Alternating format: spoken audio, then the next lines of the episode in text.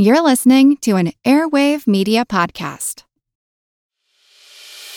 As a longtime foreign correspondent, I've worked in lots of places, but nowhere as important to the world as China. I'm Jane Perlez, former Beijing bureau chief for the New York Times. Join me on my new podcast, Face Off US versus China, where I'll take you behind the scenes in the tumultuous US China relationship. Find Face Off wherever you get your podcasts. We all know how important it is to keep your eye on the money, and not just your own. Stay on top of the latest financial and market news with Yahoo Finance, a podcast that releases new episodes almost every day. You'll hear a brief overview of the biggest news in the financial world, all in three minutes or less, right after markets close. Check out Yahoo Finance wherever you get your podcasts. That's Yahoo Finance wherever you get your podcasts. This is Kick Ass News. I'm Ben Mathis.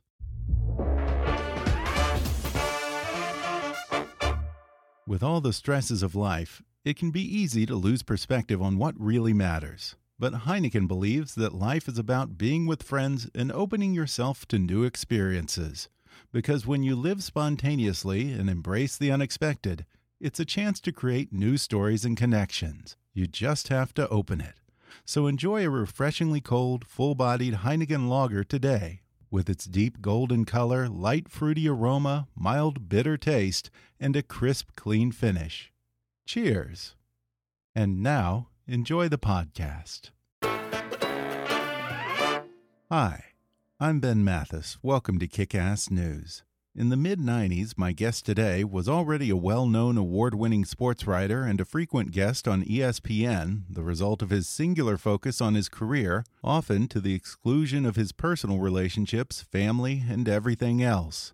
But all that changed when he decided to reconnect with his old college professor, Morrie Schwartz.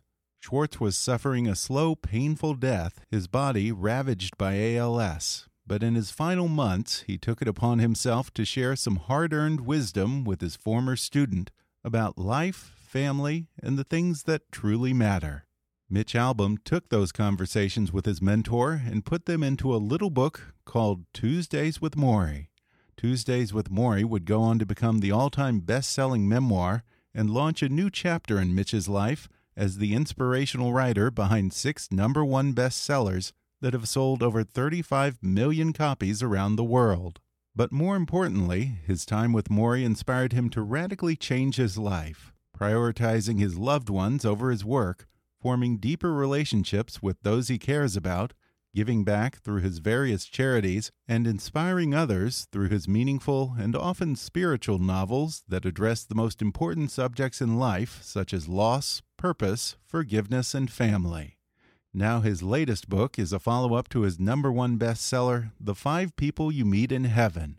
Titled The Next Person You Meet in Heaven, it tells the story of a young woman whose life is cut tragically short the morning after her wedding.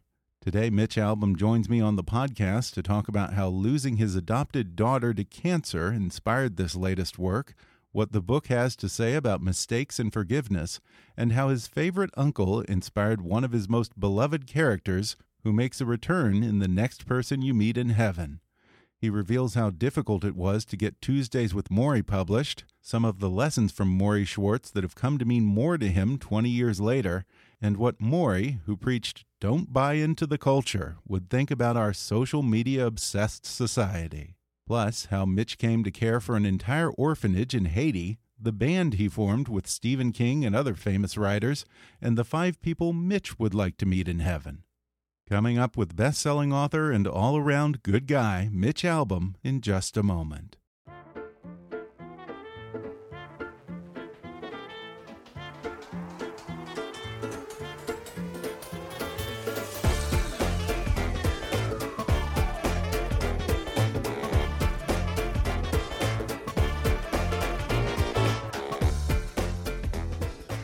Mitch Albom is a best selling author, screenwriter, playwright, and nationally syndicated columnist. The author of six consecutive number one New York Times bestsellers, including Tuesdays with Morrie, the best selling memoir of all time. His books have collectively sold more than 35 million copies in 42 languages. Now he's written a follow up to his 2003 bestseller, The Five People You Meet in Heaven. It's called The Next Person You Meet in Heaven. Mitch Albom, welcome to the podcast. Thank you. Thanks for having me. Well, I really enjoyed the book, although I have to admit that I didn't quite finish it. And I'm all the more ashamed of that because, you know, it's not exactly like homework. Your books are relatively short and quite pleasurable, but I think I probably did you a favor because I am notorious for spoilers. Uh, I always give away the ending to a guest movie or or whatever book they're promoting, or I reveal the secret twist in the season finale of a TV show. Yeah. So I think that it's a good thing. I think yes, I did you a little bit of a favor, probably in the those, end. This does have one of those endings that hopefully you don't see coming. So uh, I'm I'm not going to ruin it for you either. Okay. Yeah. well, I'm looking forward to finishing it. Thank you. Um, now you didn't start out wanting to be a writer, right? Didn't no. you want to be a musician at yes. first? Yes. I not only wanted to be, I was. Yeah. How, for how many years were you doing the music? Then? Well, I uh, I played music all through high school and college. Uh, I I planned on being a musician after college, so I helped pay for my tuition as a as a working musician while I was in college. I never wrote anything in college. Uh, I never wrote for my college newspaper or anything like that, the typical routines that journalists and authors yeah. will tell you about.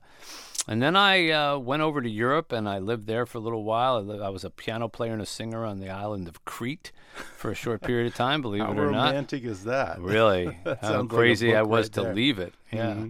And came back. And uh, then I was in New York, did the whole starving musician playing coffee houses and rock clubs and you know Monday night showcases and things like that and producing songs. This was in the early '80s, and um, eventually I just kind of realized that uh, I loved music. I was passionate about music. I still am. But sometimes, you know, your avocation and your vocation shouldn't necessarily be the same thing. Yeah. And uh, I was starting to lose my love for music because of the business of music. Mm-hmm. And so I kind of shifted over to something that I said, well, I know I want to do something creative. I'm not interested in an office job or or any kind of you know thing where you have to be behind a desk. And uh, I just found that I volunteered for a local newspaper, and I found that I had some aptitude in writing. I found that it was very much like music to me, anyhow, and I've been in it ever since. Now, do you still play? Oh yeah. Yeah. Oh yeah. But for fun, you know. You, play you for fun. Have, the, I play with a band. Is still there. I play with a band called the Rock Bottom Remainders, Yeah. which is uh, definitely for fun. Uh, Stephen King and Dave Barry and Amy Tan and Scott Turow and Ridley Pearson and many many other uh, authors. Uh, we've known each other, played together for, gosh, like 25 years, maybe more. And we play once a year. We go out for charity and we raise money Really? for literacy. And uh, we're we're a terrible band for the most part, but a handful of us, Yeah. you know, used to actually be musicians. All and authors, that's kinda- funny. All authors, yeah. What does Stephen King play? Guitar. Yeah? Uh, his, No he has a, a spider fretted guitar, and uh, Stephen's not a natural born guitar player. He's, he's learned, uh, but periodically, you know, if he don't, doesn't know a chord, we'll just point to it and he'll say, "Oh, that spider." Yeah. Oh, that spider. Okay, I got it. Now, you're an interesting case because so many people know you from Tuesdays with Morrie and your other books, like The Five People You Meet in Heaven. But prior to that, and even still today, I mean, you had this amazing career as, I, I think, one of the most award winning sports writers. What, you won like 13 Associated Press Sports Editors Awards and all kinds of other awards. You're in the, the National Sports Media Hall of Fame. Uh, so you were already pretty well known as a sports writer when Tuesdays with Morrie and this whole other opportunity came along. Yeah. Well, I, I think in some ways um, that's why people who have read my work or who've, who've said they've enjoyed it uh, do so because, um, you know, I didn't set out to be some kind of self help writer. Uh, I don't think of myself as one today. I didn't set out to be some kind of spiritual writer, inspirational writer, um, you know, but I, I have to say that that's where my a lot of my interests now lie. But you know, I was forged in writing and sports writing. I still love sports, uh, but I think a lot of people they look at me as kind of an unlikely source for this type of book. You know, the five people you meet in heaven, the next person you meet in heaven, Tuesdays with Morrie. That's coming from a sports writer, you know. And I I heard that when I was writing them. Sure. I mean, Tuesdays with Morrie.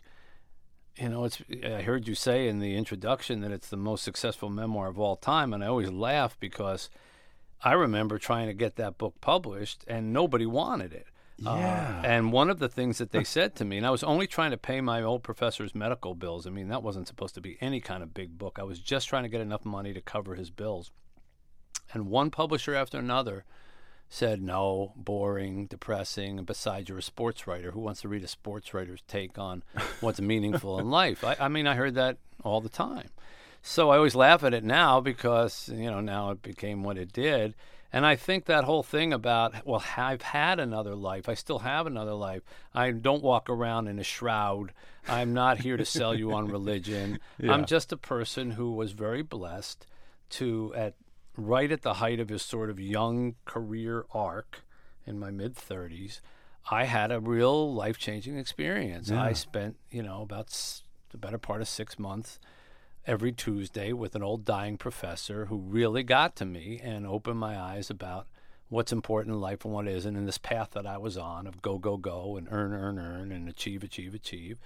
And then as a result, I wrote a book to pay his medical bills. The book became this big thing, and now the book has kind of taken me Yeah. where it wanted to go, and I don't really have control of my life that way. Did you ever envision yourself writing things other than sports Nope. writing? Maybe writing a novel or Nope. something, I thought maybe one biography. maybe one day. Well, I wrote Oh, sports yeah, biographies. I wrote a book right. about Bo Schembechler. Uh, it was a bestseller on the New York That's Times right. list. I wrote a book called Fab Five, which Mm-hmm. was also a bestseller. And so I thought, well, okay, I guess this is what I'll do. You know, I'll, I'll write sports. I'll comment on sports. I was on ESPN.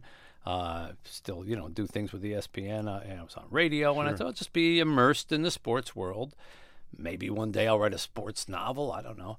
So when I wrote Tuesdays with Morrie, it was just a, a, a detour off off the highway, and then the coming back. And I, I remember uh, distinctly saying to my literary agent when they printed it, they printed twenty thousand copies total, total for That's the whole not country. a big order, is it? That's not a lot of copies Yeah. of a book, considering how big the country is. You do Sure. the math; it's about you know 400 copies a state or something like that. So I remember saying to him, "Hey, do you think that this is going to hurt my sports writing?" And he said, "What do you mean?" I said, "Well, you know, it's kind of a sentimental, soft book. It's emotional. It's open. You know, it's it's inspirational. do you think like?" I'm going to walk into locker rooms now, and these Right. athletes are going to point at me and say, oh, "I read that book. You were crying at the end like a baby." It's not macho in the traditional Not sense. at all. And I remember he laughed. He said, "Ah, I wouldn't worry about it. Nobody's going to read it." You know, and that was my literary agent. So you know, that's what I thought. I thought I just would return to that life, but.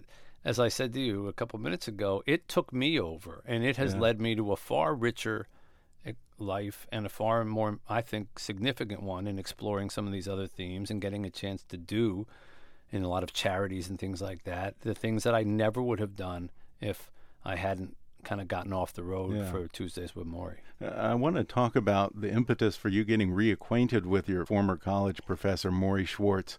He gave an interview to Ted Koppel on ABC Nightline. Were you like, you know, what is Coach Morrie doing on Nightline? Yeah. What- It's well, exactly how, how did that happen? Well, he and I had been extremely close in, in college. I mean, extremely close. I took every class that he offered. I majored in sociology, really, just because of him. And, uh, you know, we used to walk around campus together. We'd have lunch together. Uh, you know, I gave him a briefcase when I graduated. He started to cry, gave me a big hug. He said, You know, you're one of the good ones, Mitch. Promise me you'll stay in touch. And I said, I will. And he said, Promise. And I said, I will. He said, Say it in a sentence. Say it in a sentence. Okay, I promise I'll stay in touch. So he was kind of like your Mr. Chips, your Mr. Yes. Holland. Yeah. Yes, exactly. And uh, then I broke that promise for 16 straight years because I was so ambitious and so interested in pursuing my own thing. And, uh, you know, first as a musician and then as a writer. And I just forgot about him. I mean, I knew he was there, but I just figured he'd probably he'd always be there. And then one night, as you point out, 16 years later, um, I happened to be flipping the TV channels, and there he was talking to Ted Koppel about what it was like to die from Lou Gehrig's disease. I saw his face. I saw he was a withered, white-haired version of himself. And uh, something compelled me to call him up, which I thought would be a one-time phone call. And then by the time I finished that phone call, he had convinced me to come see him. So I went to go see him in what I thought would be a one-time visit. Yeah. Did he guilt you much? He, in his own way. Yeah. I mean, not in a, a, a, a, a an overt way, like Yeah. you know, where have you been? All this stuff. Nothing like that. Just you know, boy, it's good to see you again, and you know, how have you been? And, and he never asked me anything about how much money I earned. He couldn't care less that I was on ESPN or sports or anything. He was asking me things like, uh, "Are you happy with your life? Have you found someone to share your life with? Are you involved in your community? You know, things like this." And I began to go back the following Tuesday, the following Tuesday, and what turned out to be all the Tuesdays that he had left in his life. Selfishly, I guess, to get the answer to the questions, you know, what did he clearly know now that he was dying? And Yeah. there was no question that he was dying that put life in perspective. And wouldn't it be great to know that when you were young enough and healthy enough to do something about it? Uh, I wonder, are there lessons that may not have meant as much to you when you were that age, but now, what, 21, 20 years later, maybe they make more sense to you or they resonate a lot Yeah, more? That's a really interesting and good question. Because people always ask me about Tuesdays with Morrie, you know, what was your favorite Tuesday or what was the thing? But they don't say, well, it's been 20 years. Is there one now that resonates more, like you just asked me? So, yes, and now you're closer to his age than you were to. way closer. yeah. So- Uh, yeah, there are several. One has to do with forgiveness. Mm-hmm. Uh, I don't think I really understood that lesson when I was younger because I hadn't had a lifetime to hold grudges about people with people or stuff. I hadn't lived that long, and now I see the how important that is. Having lost so many people, how important it is to say you're sorry over whatever it is that might be rubbing you the wrong way or keeping you apart. That was certainly one. Um, don't buy the culture. If you don't like it, don't buy the culture Yeah. you know, I was so into the culture as I was in the midst of the culture. I mean, if you're in sports and you're on television Sure. and you're and you're writing in a, you know, a daily column, and you know how much deeper in the culture, the American f- hysteria over sports. And now, of course, and especially with today, with everything that is so, Yeah. you know, you're so immersed. You have to be like all in for Yeah. something, and you got to get with movements, and you got to get. And what, do and you, what do you think that Morrie would think about, you know, the social media obsessed reality TV narcissistic culture today? I mean, this head. this is nothing like what it was when you were talking with him in the '90s. I, I, What would he make would, of that? He would just be. He would say, "Throw out your devices." No Uh-huh. question. He was that. He was a bit of an anarchist, anyhow. But you know, and he would say, you know, he he, he was saying, "Shut off your television sets." That was back then, and those, those were when you had to actually turn on a television set. They didn't like you couldn't clap your hands and it went on. so I'm sure he would say, "Throw out your devices. Stop talking to one another through." What? Here's a story that would have broken Morrie's heart. My nephew uh, teenage nephew a few years ago went to a prom. It was the first. He, he lived overseas, so he'd never known what a prom was. And um, when he got back, I said, "How was it?" And he said, "Well, it was okay, but everybody was kind of, you know, on their devices, you know, uh, talking to people." I, I, you know, I said, "Well." Yeah, that's kind of how we do it over here. Everybody's on their devices, probably telling their friends back home, you know, what, look at what's going on. He says, no, they were talking to one another on their device. The same people the at the same room. table were texting each other saying, you know, look at this guy or look at this outfit. That would have broken Morrie's heart because Morrie was so much about being present, present, looking you in the eye. And of course, when he had ALS, you know, he could only look one way. His head couldn't turn. He couldn't, oh, you Oh, know, really? oh, you can't turn, you can't move a muscle. So that would have really broken his heart. And and I remember that very much. Don't buy the culture if you're not if you don't think it's right. Mm-hmm. And I don't think that that's right. And I am not a big texter or tweeter or anything. I have all those things as as any author today.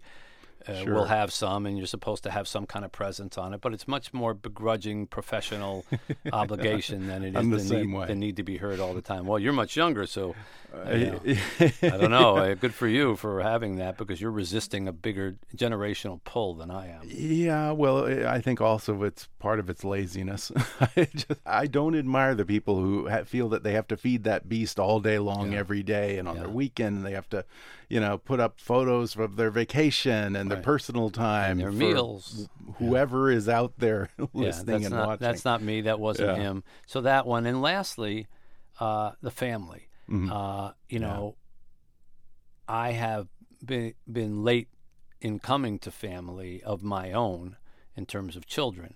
Uh, my wife and I got married fairly late, and I delayed probably having children uh, a little too long because I was too interested in my professional development. And by the time we were, you know, really on the same page, it wasn't we weren't able to make it happen. But uh, I have gotten involved over the last decade uh, with uh, in Haiti. I just just kind of by accident I ended up taking over an orphanage. Yeah. In one of those moments where I don't know what I was thinking, but it was like, how hard could it be? I'll just run the orphanage. And uh, you know, I'm there every month, and I have 47 children that I really consider my my kids. That's Uh, amazing. and uh, you know, we're raising them. Two of them now are here in college.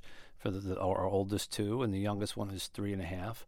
And uh, so I have learned what he said that there is no security, there is no uh, foundation of love like the family. Mhm. Uh, and I think those words didn't mean to me at 37 what they mean to me now.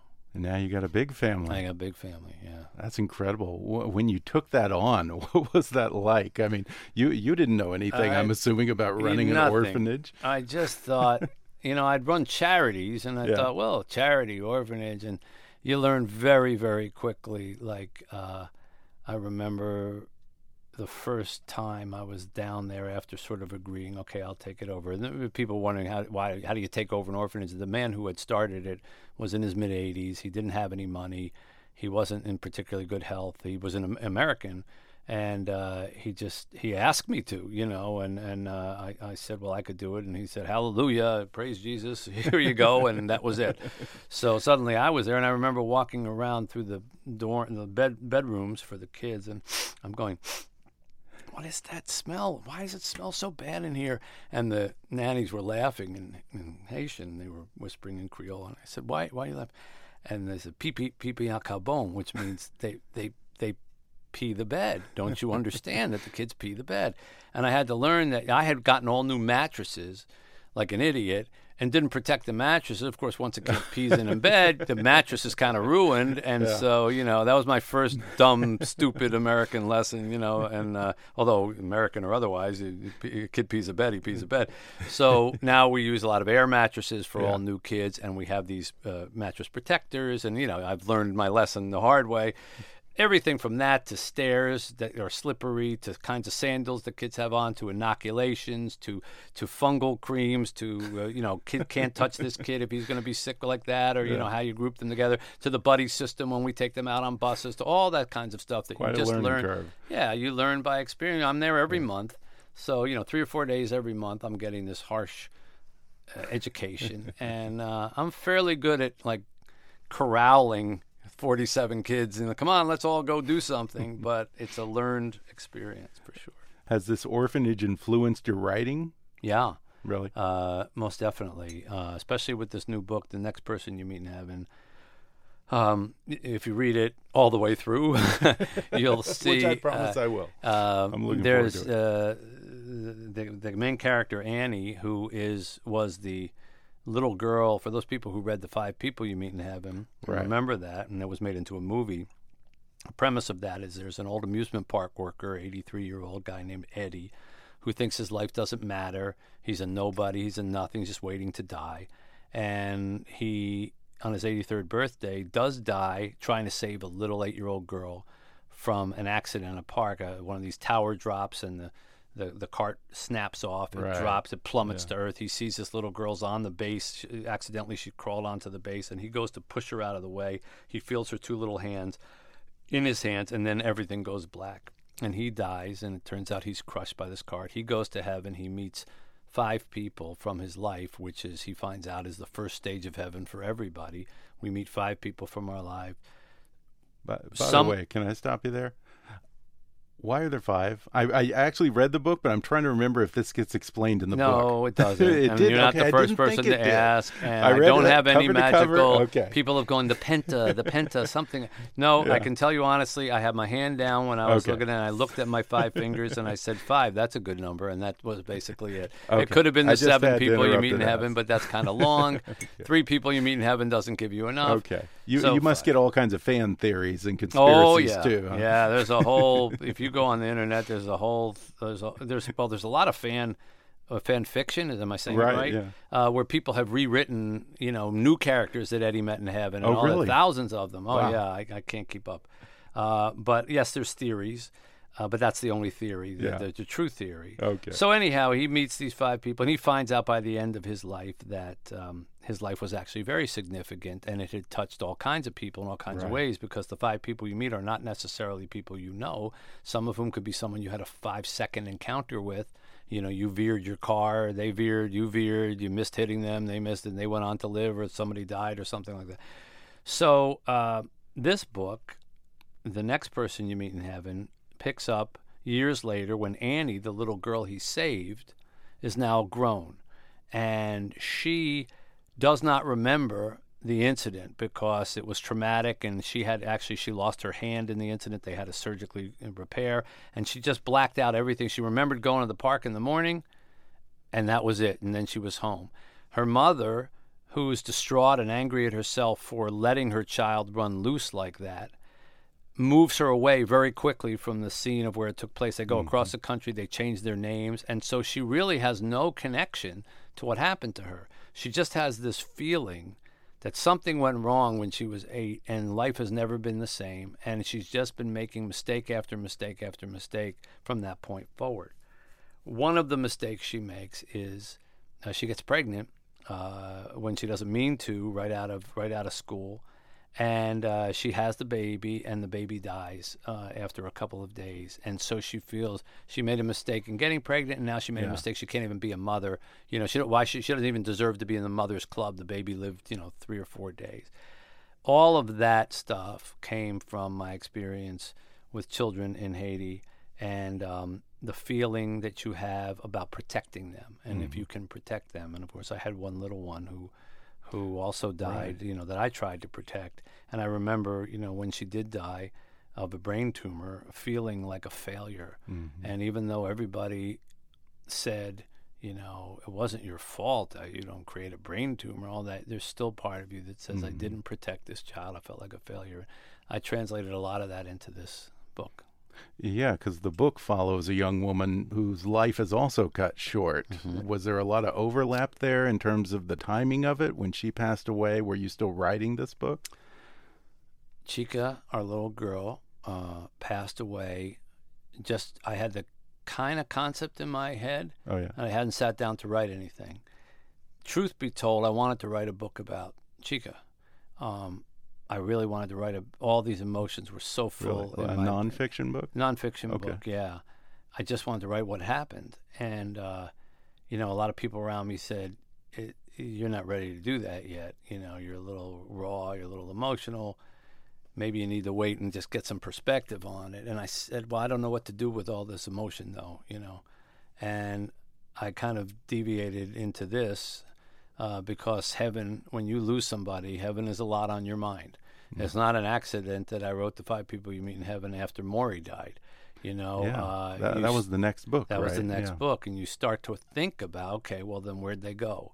And having spent all this time with Chica, I mean, every single day for two years, she didn't go off to school. She didn't do anything. She was with us as we tried to help her save her life. Uh, you do kind of wonder, well, where is she now, and what would she be saying? Um, I am actually writing the book about Chica now. Oh, you are. So yes, so I waited one book, and it probably was a good thing. I have a different, you know, a little bit of distance on it, but uh, that's what led to the next person you mean have. We're going to take a quick break, and then I'll be back with more with Mitch Albom when we come back in just a minute.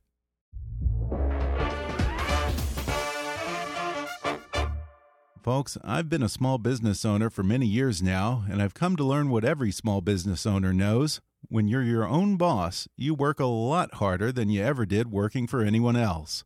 There are a million little things to keep on top of, from paperwork to payroll, when all you really want to do is focus on growing and improving your business. Whether you work in HR or have your own small or medium sized business, you know how crazy it can be. Miles of spreadsheets, never ending paperwork, and countless random employee issues, the stress is huge. Thankfully, Bamboo HR can help.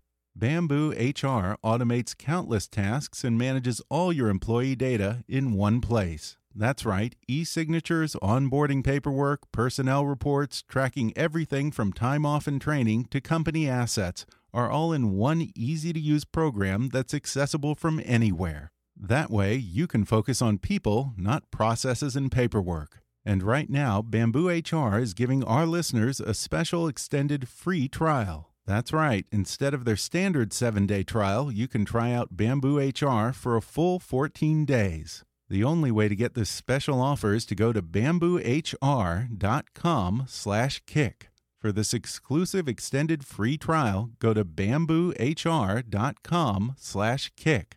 Again, this is a limited offer only available to our listeners. So go to bamboohr.com slash kick. One more time, that's bamboohr.com slash kick. Life can be stressful, and sometimes we lose perspective on what really matters. As we rush to achieve all the things we want in life, it can be easy to forget to enjoy the smaller moments along the way. But life isn't about following a common path or having a set plan. It's about being with friends, celebrating with loved ones, and living in the moment. Heineken believes that you create the richest memories when you embrace the unexpected and open yourself to new experiences.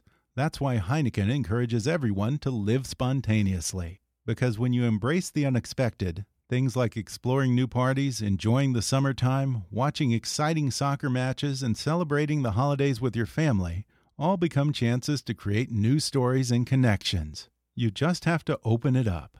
So enjoy a refreshingly cold, full bodied Heineken lager today with its deep golden color, light fruity aroma, mild bitter taste, and a crisp, clean finish.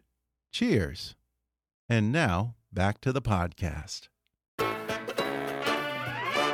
This latest book is a sequel, as Yeah. you mentioned. Is this the first time First you've one. done a sequel? Never got to do a sequel Really? before, and Were you hesitant?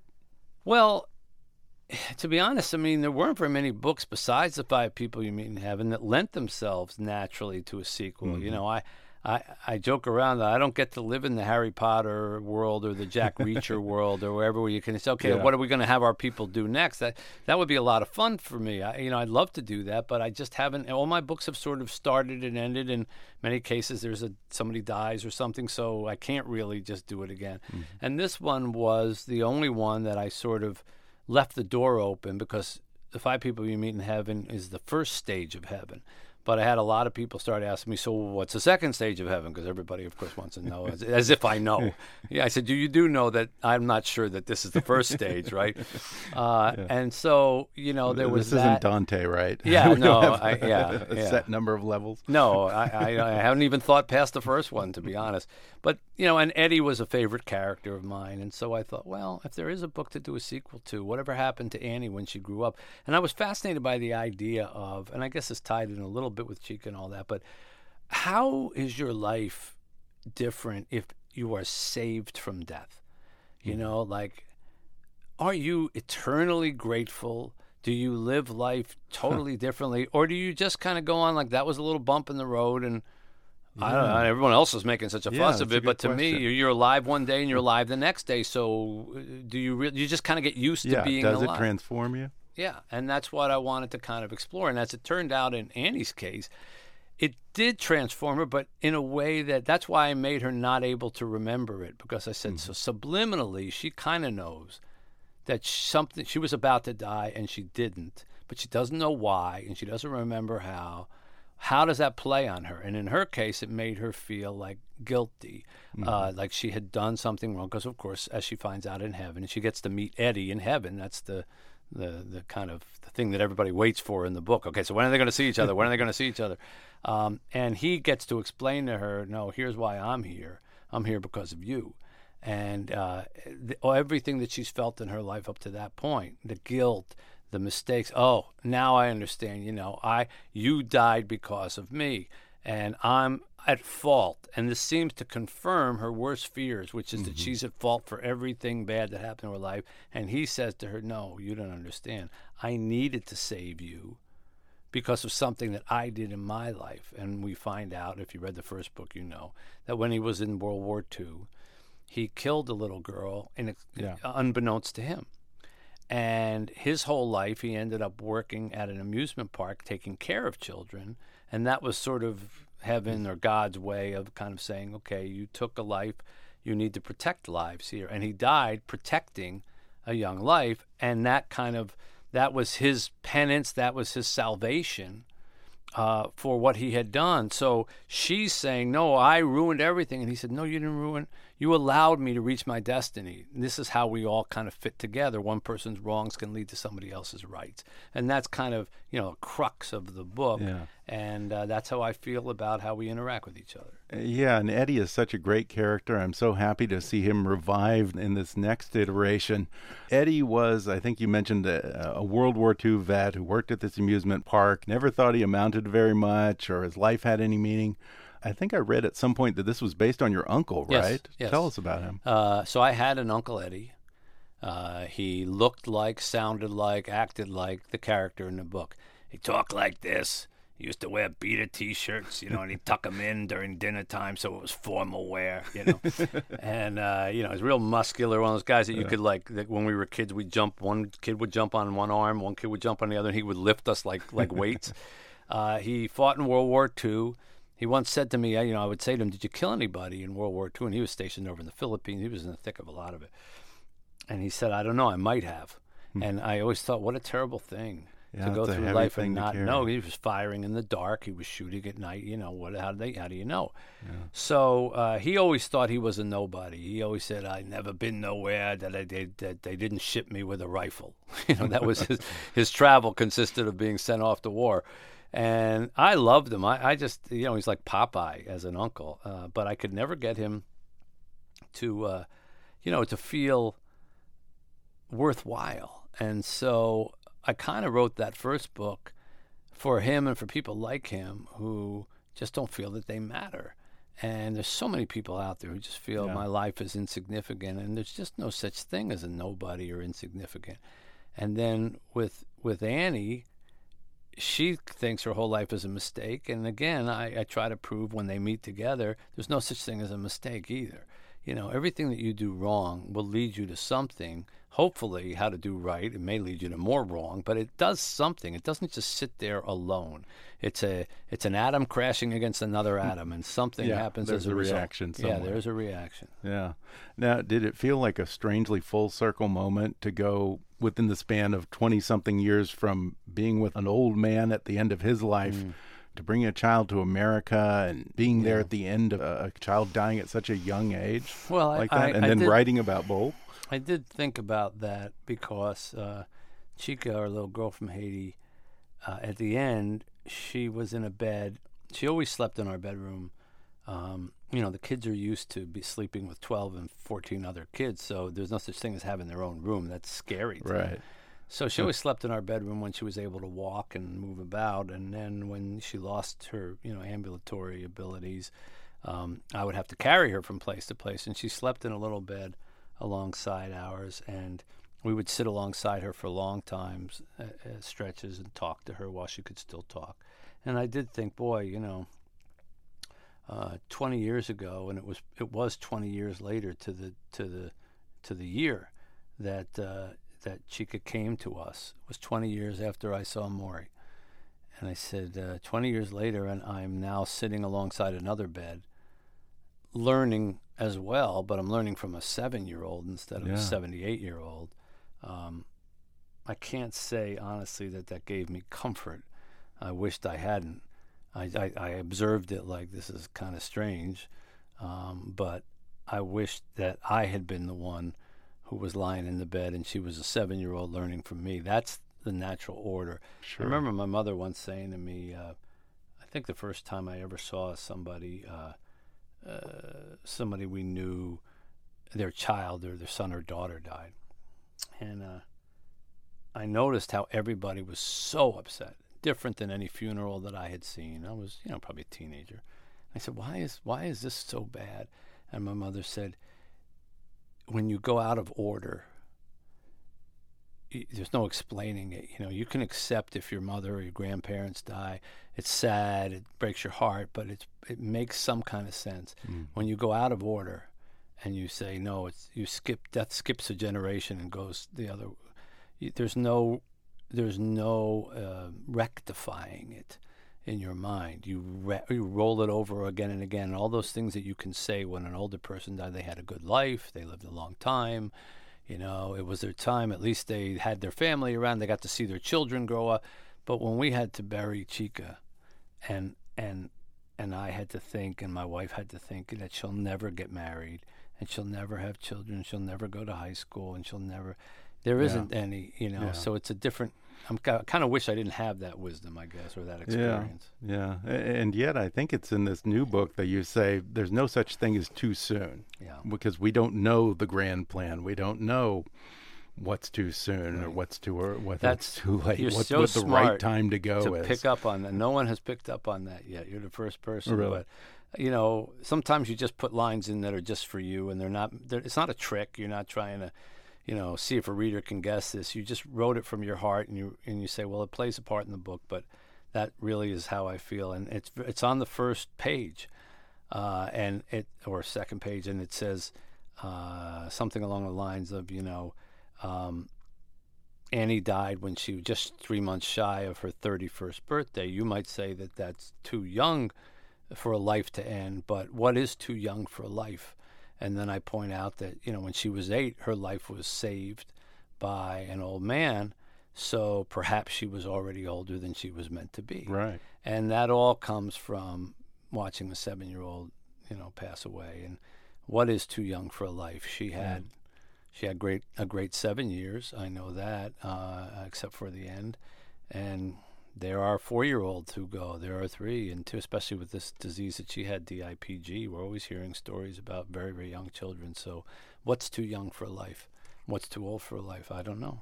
Yeah, and I suppose maybe it's pointless trying to make sense of it. Right, Yeah, at least in this life or right. where we are right now. That's why I write novels Yeah. about heaven, try to make sense Yeah. of it. Yeah, yeah. I mean, death and the afterlife are frequent themes in your books. Uh, do you think about death a lot when you're not writing? No, you know, the truth is that I don't. Um, I don't really write about death. I'm not really fascinated with death. I I like death as a mirror to life, and sometimes I bristle when you know someone will try to quickly say, "Oh, well, you, all your books about are dying or death," and I said, "Well, not really. I mean, books about serial killers are about death, and they have page after page of gruesome beheadings and pulling hearts out through the chest, and they describe all kinds of ways. Mine is usually one person who dies. It usually takes up a half a page, and the whole rest of the book is some mm-hmm. some about life or about what was Right. learned through that. the catalyst. That's right. But I find that most people don't want to kind of examine the questions that I'm interested in examining unless they really realize that their time is running out. Interesting. You know, then all of a sudden it's like, well, wait a minute, maybe I do need to think about this because I, you know, I could die too. So it, it's like they always say, you know, no one on their deathbed said, "I wish I had worked a couple of days longer." Yeah. But yet, while we're healthy, we keep working, right? There's something that happens, and I learned that from Morrie. There's something that happens when you are looking death in the eye that puts everything into perspective and it changes all of your viewpoints. So I use death in all of my books, all my novels, um, to try to say, okay, I got your attention. Now think about this. You know, now that you accept that we're all going to meet the same end, now does this really matter? Does time matter? I wrote a book about time called The Timekeeper. Does faith matter? A book about faith called Have a Little Faith. You know, does does uh, um, being able to talk with somebody? I wrote a book, The First Phone Call from Heaven, about people who actually could make phone calls or thought they were getting phone calls from the deceased. And how does that change if you could actually still have someone in your life communicating with you that you thought you'd lost forever? you And know? that's kind of relevant because you know scientists say that we're getting fairly close to the point where we may be able to download our, or upload our consciousness Yeah. to a computer and Yeah. get some sort of facsimile of uh, great grandpa or whatever. Yep. Yeah. Yeah. that you can that talk can to and interact to. with. and do you want to do that? Do Right. you, you know, how does that interfere with the grieving process and moving on? Then? That's an excellent question. We all saw those Superman movies when we were kids, where he goes to the Fortress Right. of Solitude and Yeah. Pulls up Marlon Brando, and, and we're going, how can, how's Marlon Brando talking to him now when he's dead already? But he, yet he's talking to him in the present tense. he recorded every possible sentence that he would have to respond to him, and then they're playing it. How does it work? We're fascinated by that. yeah, and, and is that a good thing? I Um, don't think so, by the way. Yeah. I think that there's a reason that I wrote this in the book, The Mm-hmm. Timekeeper, about time. The reason that life is limited is to make every day precious. Yeah. You know, if if we really did live forever, as we are attempting, you could spend a hundred years as a thief, and say, uh, you know, I'll clean up after a hundred years, and I'll see what it's like to be a thief, and then I'll do this, what, and you know, there'd be no consequence to any of your actions because you wouldn't be thinking, I need to spend my time doing this because this is what's important. Nothing will be important. Everything mm-hmm. could be done. It would be like, you know, you'd be in a delicatessen your whole life. You could eat everything anywhere all the time. So how are you going to appreciate food? And I think it's that way about life. I think that's why it comes to an end to help us appreciate when it doesn't. Uh, your books inspire and appeal to the better angels of our nature at a time when society seems to just be so divided, so insular, and neighbors are becoming enemies just because of things like politics, which in the grand scheme of life is so petty, so small, has so little real relevance to real life. Uh, have you thought much about how we can dial down the anger and put politics in perspective again and focus on the things that truly matter? Well, uh, yes, I think about it all the time. And I think uh, the answer is unlikely to occur. Um, we need to unplug from the whole world and return a little bit more to our smaller worlds. Um, I don't think we were designed to live in everybody else's moment at the exact same moment all over the planet. I just don't think we're programmed to handle mm-hmm. that much information. But we keep trying to do it. We keep trying to tweet to the whole world, reach the whole world, go viral, be heard everywhere, be the biggest, be the you know the most. And and I think that's why we're short circuiting. We remind me of a machine that's just running too hot. Yes, we can process a lot of information, and yes, I'm sure some brain scientist will say that we have more capability than we realize. But you know, there's capability, and then there's and then there's human development. It's a little bit like uh, the the space race, you know, when they were trying to, you know, they knew eventually they could break the sound barrier, but they didn't just do it overnight. You know, Yeah. over time they slowly each plane went a little faster Yeah. and a little, and and we're trying to do it overnight, and I I, I think. It's why it's making everything's louder than it should be. Everything's angrier than it should be because we're not we're dialed into too many voices, too much stuff. We keep get, we, this whole notion of reporting on what the Twitterverse is saying. Now, as a journalist by trade, you know that that that's so antithetical to me. It would have been like when I was covering a baseball game when I was younger. I'd go into the stands and find four people who say something, and then write, "This is how everybody's reacting." Because it's I've got four people's yeah. It's like the event is what matters, not what everybody's saying Right. about the event. Right. And and and we live in a world where it's not an event unless people are saying something about the event. That's backwards to me. And so Mm-hmm. Yeah. I don't know that because everyone's so fascinated by it. now. I I predict. I probably won't live long enough to see it, but I predict that there will be a backlash to all of this. And Mm-hmm. at some point in the future, and not so far away, there'll be this whole movement away from you know, eh, I, I don't mean necessarily becoming hermits and living off the grid, but there will be a movement that will feel like living off the grid because uh, the grid mm-hmm. will have its, its its tentacles into us even more, and people will say, "No, I've I found something." better. It makes me feel better because I think humans are designed to deal like you and I are sitting in a room together, one on one, talking. I'm not talking to 10 million people who I can see. I may be, you know, you may play this for 10 million, but right now it's just me and you. Yeah. And I think that that's how we are designed, and I think that's how we can feel the actual emotions that we're supposed to feel. Because what you can't feel with 10 million people is empathy. Which is a big part of this book, by the is- way, that I yeah, wrote. You know, you can't feel those human emotions. Th- It's just a crowd, you know. Mm-hmm. And I think we're meant to experience empathy. I'm meant to look at your face and see if I see something in your eyes that makes me say, "What? What's the matter?" You know. I remember my, not to quote my mother too often, but she passed away in the last few years, so I, I find myself thinking about a lot of things she said. I could never teach her email. I tried Oh, over and over. I said, "This great thing, email. Look, I'll be able to." No, not interested. No, not interested. Finally, I said, "Ma, you're smart. You know, you're not. You're not one of these people that says I can't handle. Well, what's with this? I'm not learning how to do email." She says, "If I start doing that, you'll stop calling me." Uh-huh. Good And she was right. You Yeah. know, so I had to keep calling her, had to keep visiting her if I wanted to talk to her because she wanted to hear my voice. She said, if I read an email, I don't know if you're upset. I can't tell. Yeah. But if I hear your voice, Yeah. you know, I'd say, hi, mom, what's wrong? you know, like that. So I'm sure she wasn't a big texter then. Uh, no, she uh, she she passed away before the texting. Okay. Uh, so, uh, you know, I just think we're designed to be more human and more small spaced. Mm-hmm. Um, and uh, so my answer would be that, but I don't think it's going to happen. Yeah. Well, Mitch, this has been a real pleasure. Before we go, uh, you probably get asked this all the time, but who do you think will be the first person that you meet in heaven, or who do you want to be the first person you meet in heaven, assuming your wife is still alive? Let's say. Um, well, want, think, imagine. These are different answers. Sure. For many years, I would answer that question, which I have I have been asked by saying I, certainly would want one of my. If I got five people, I'd want one of my five people to be Morrie. Mm-hmm. If only for the fact that I would you know, he never got to read a word of Tuesdays with Morrie. That's right. He passed away before it hit the presses, huh? And so, of all the people who have read that book, who go on and on about him and tell me what they think of him and how wise he was, he wasn't one of them. And so, I would like to just ask him, you know, how do you think I did? Did I portray you all right? Did I, you know, was I honest and, and true to your message? You know, I hope I didn't embarrass you in any way. so, uh, these are so many questions that I would love to ask him. And I used to say, you know, okay, of all the big, you know, there's so many names out there. Um, in in recent, just the last four years, I lost my mom, I lost my dad, and I lost our little girl. And uh, I can't now say that, you know, if you're going to give me one, I want it to be Morrie. Uh, I want it to be a combination of those three Yeah. people, and I especially want to hold our little girl again. Um, I held her.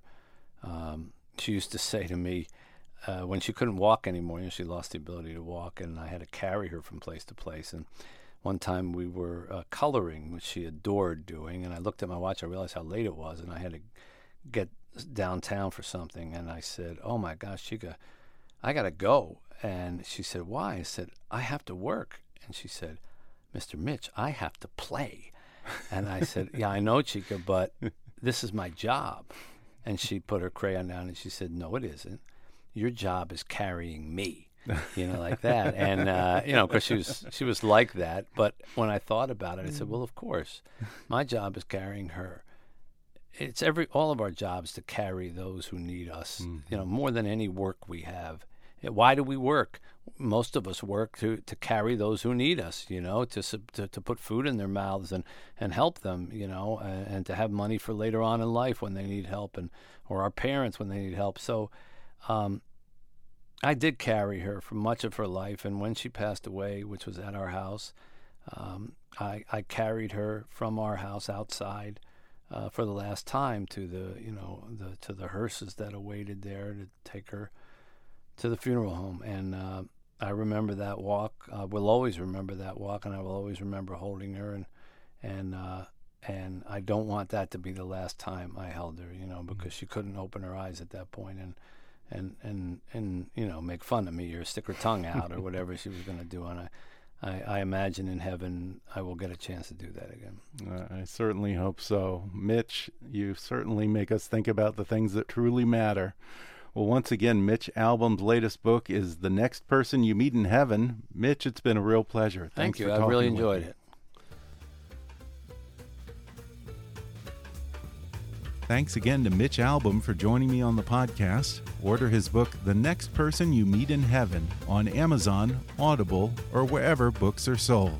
For more on Mitch, visit MitchAlbom.com and follow him on Twitter at, at MitchAlbom. Folks, I was just telling you earlier how I got my day started with an espresso monster today. When you need energy on the go and don't have time to wait in line, grab Espresso Monster. Espresso Monster is a premium blend of espresso and cream made with freshly brewed espresso coffee, hormone free milk, and a unique energy blend complete with taurine and B vitamins. Each can has three shots of espresso and comes in vanilla espresso or espresso and cream flavors. Close your eyes, take a sip, and enjoy Espresso Monster today. If you haven't already, be sure to subscribe to Kickass News on iTunes and leave us a review. You can follow us on Facebook or on Twitter at, at KickassNewsPod. And as always, I welcome your comments, questions, and ideas at comments at kickassnews.com. I'm Ben Mathis, and thanks for listening to Kickass News.